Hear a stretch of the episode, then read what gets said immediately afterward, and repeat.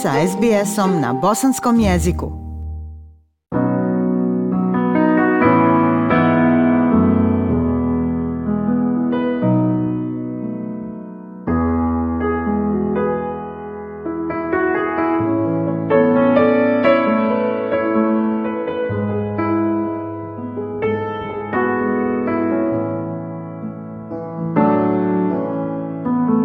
Slušate program SBS radija na bosanskom jeziku.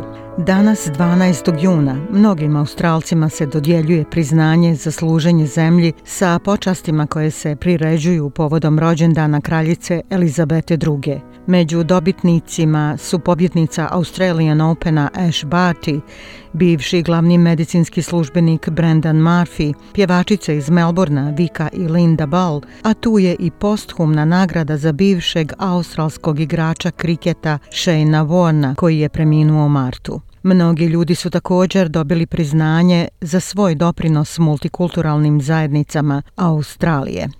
Prilog Shona Belsa. 74-godišnji Kon Pavlov sjeća se kako je napustio Kipar 1956. godine kada je imao samo 9 godina. Krenuo je na putovanje da bi se ponovno sreo sa svojim ocem u Sidneju. I do actually, yes, I do. The first time I went on a, on a big boat,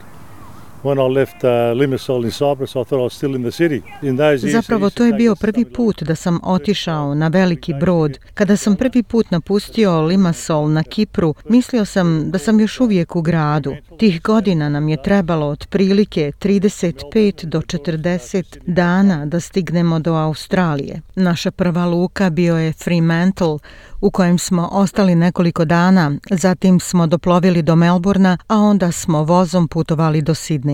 Više od 60 godina kasnije nagrađen je medaljom Ordena Australije u sklopu proslave kraljičinog rođendana za svoju službu u multikulturalnoj zajednici.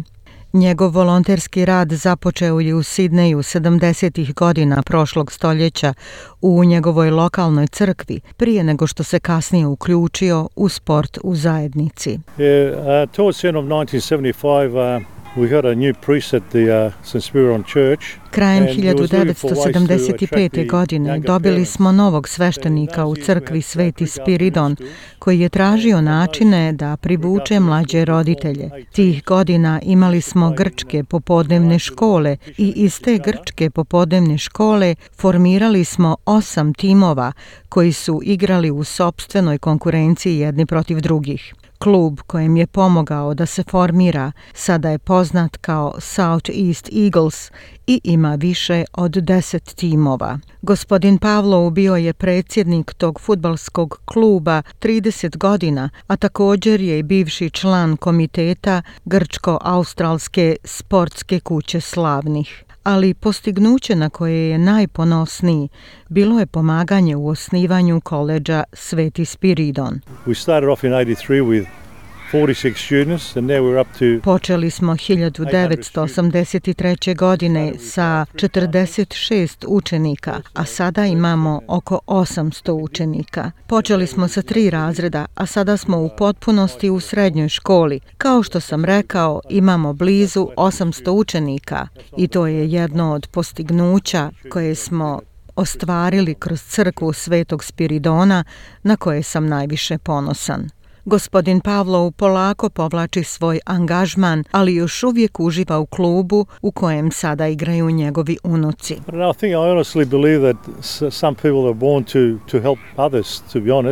Iskreno vjerujem da su neki ljudi rođeni da pomažu drugima. Ja samo volim pomoći ljudima gdje mogu, na bilo koji način.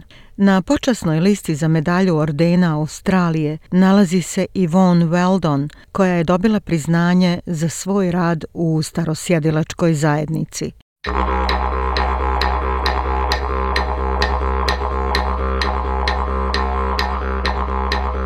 Vječnica iz Sidneja ima jake veze sa Virađuri narodom i zemljom Kaura, zapadno od Sidneja, ali je odrasla u Sidneju. Ona kaže da je posebna počast postati član reda Australije. I am so humbled by um, being recognized for what I have done Tako sam počašćena što sam dobila priznanje za ono što sam radila cijeli život, kao što su mnoge starješine iz mog naroda činili i ono što su učinili u životu bilo je ogromno za mene i mnoge druge. Velika mi je čast dobiti priznanje, ali i što mogu da uzvratim. Ivon Veldon je postala prva vječnica autohtonog porijekla u Sidneju kada je izabrana u decembru 2021. godine. Ona je također zamjenica predsjedavajućeg vijeća za lokalno stanovništvo Novog Južnog Velsa. Kaže da je izazovi s kojima su se njeni preci suočavali, posebno problematika ukradene generacije, tjeraju da bude snažan zagovornik pitanja starosjedilačkog naroda. And I think about my mom, you know, when she you know, she grew up on a mission and she used to have to hide from the welfare so that they didn't take her as well. Mislim na svoju majku. Odrasla je u misionarskom domu i morala je da se krije od socijalaca dok je nju nisu uzeli.